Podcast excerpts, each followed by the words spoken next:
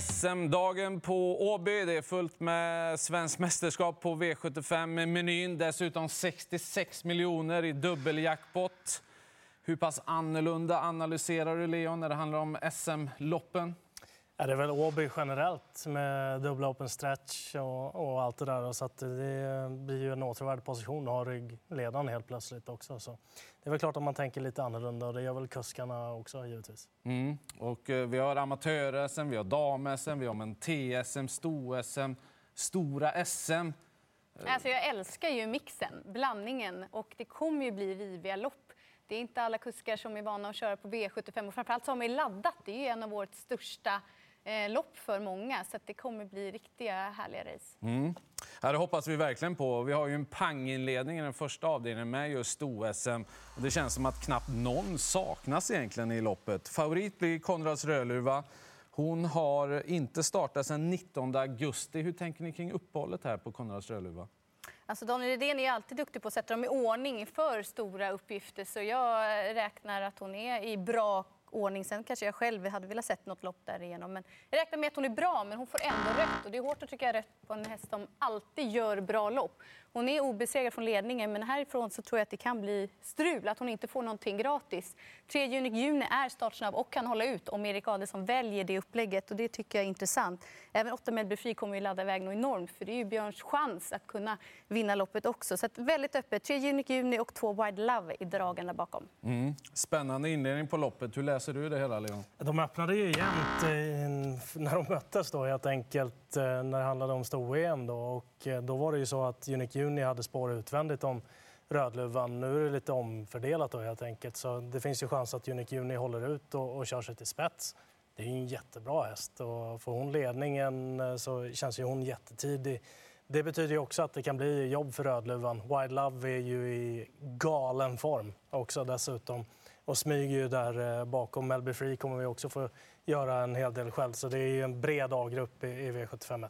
Mm. Ja, vilket lopp alltså. Det är så spännande att Unique Juni har spår invändigt om sina värsta den här gången. Och, ja, jag vill verkligen se henne i ledningen mot de här hästarna. Eh, hon har ju visat att hon matchar dem från utvändigt. Då måste hon kunna göra det från ledningen. Så att hon är ju superspännande i det här loppet.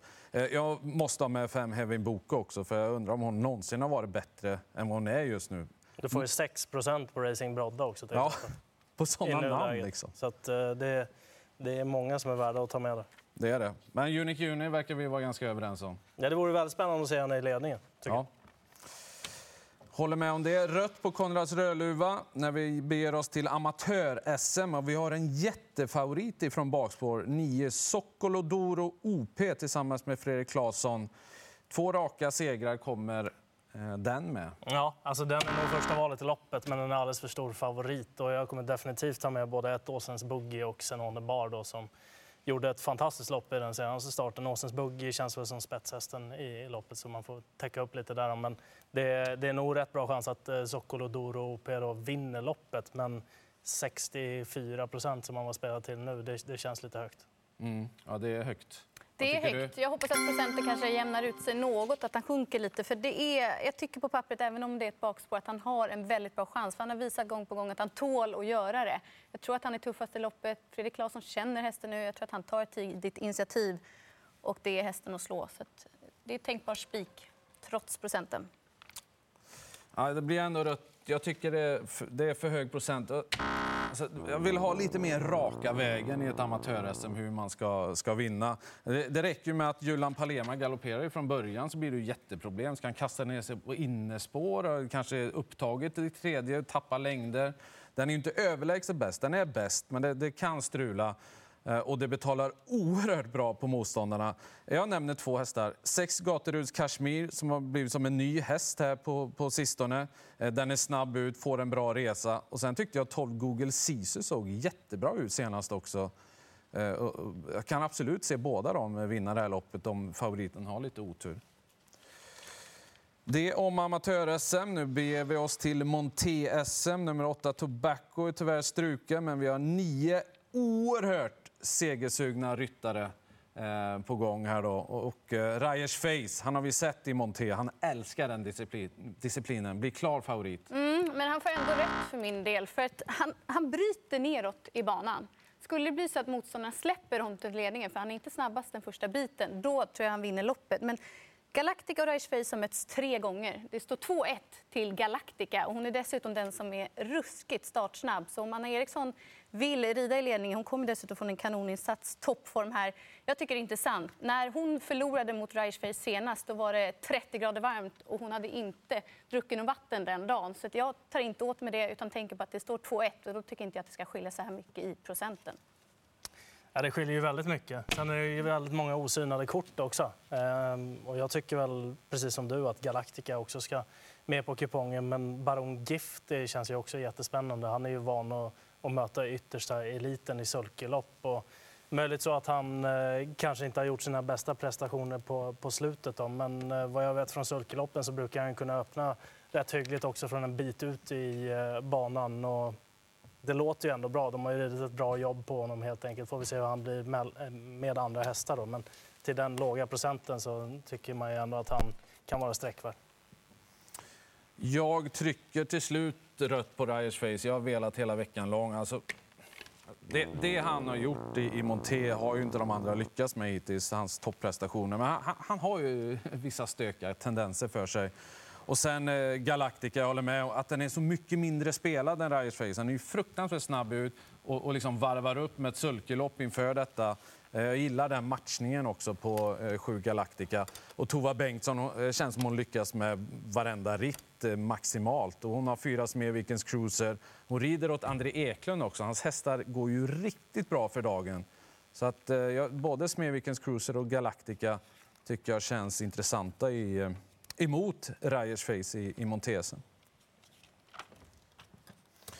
Från Monté till dam-SM. Hanna Lärikorpi kvalade in två Spartak Face. De ledde här på Åby och eh, hela vägen och jag tror att de gör det här också. Jag trycker grönt på eh, Spartak Face även om det inte hörs eller syns. Knapp, knapparna har tagit time-out. Vi, vi, får säga vad vi trycker helt enkelt. Ja. Jag trycker grönt på två Spartak Face. Spe, Spartak Face. Spets och slut.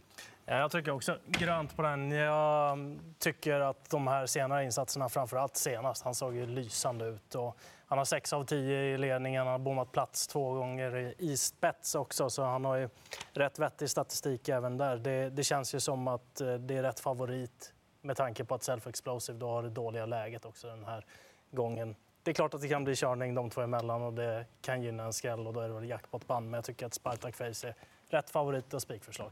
Mm. Hur känner du Sandra? Nej, för mig blir det rätt. Jag tror på den här uh, körningen som det kan bli mellan Spartak Face och Self Explosive. Och då tänker jag spika nummer 10, Global Viscount, som i uttagningen fick göra jobbet utvändigt om Spartak Face och höll väldigt bra då som tvåa och jättefin senast vid V75-seger. Så att, Nej, rygg dessutom på favoriter från start borde komma igenom bra. Så jag, tar, jag tycker det är spelvärt till 17 procent. Och uträknat och klart för dig? Jag hoppas att det blir så. Henriette Larsen kan ju bana väl. Så är det ju.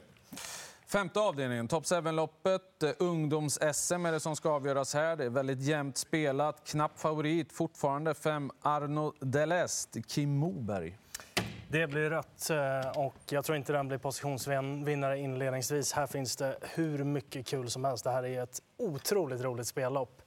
Eh, nummer ett, First One In, ska de eh, lägga på Open Eye-huvudlag på för första gången. Det känns spännande. Beethoven, nummer två, är knappt sträckad. Den har gått riktigt bra här på sistone. Och framförallt senast fick den ett ganska jobbigt lopp och, och var riktigt duktig bakom kantens Rose.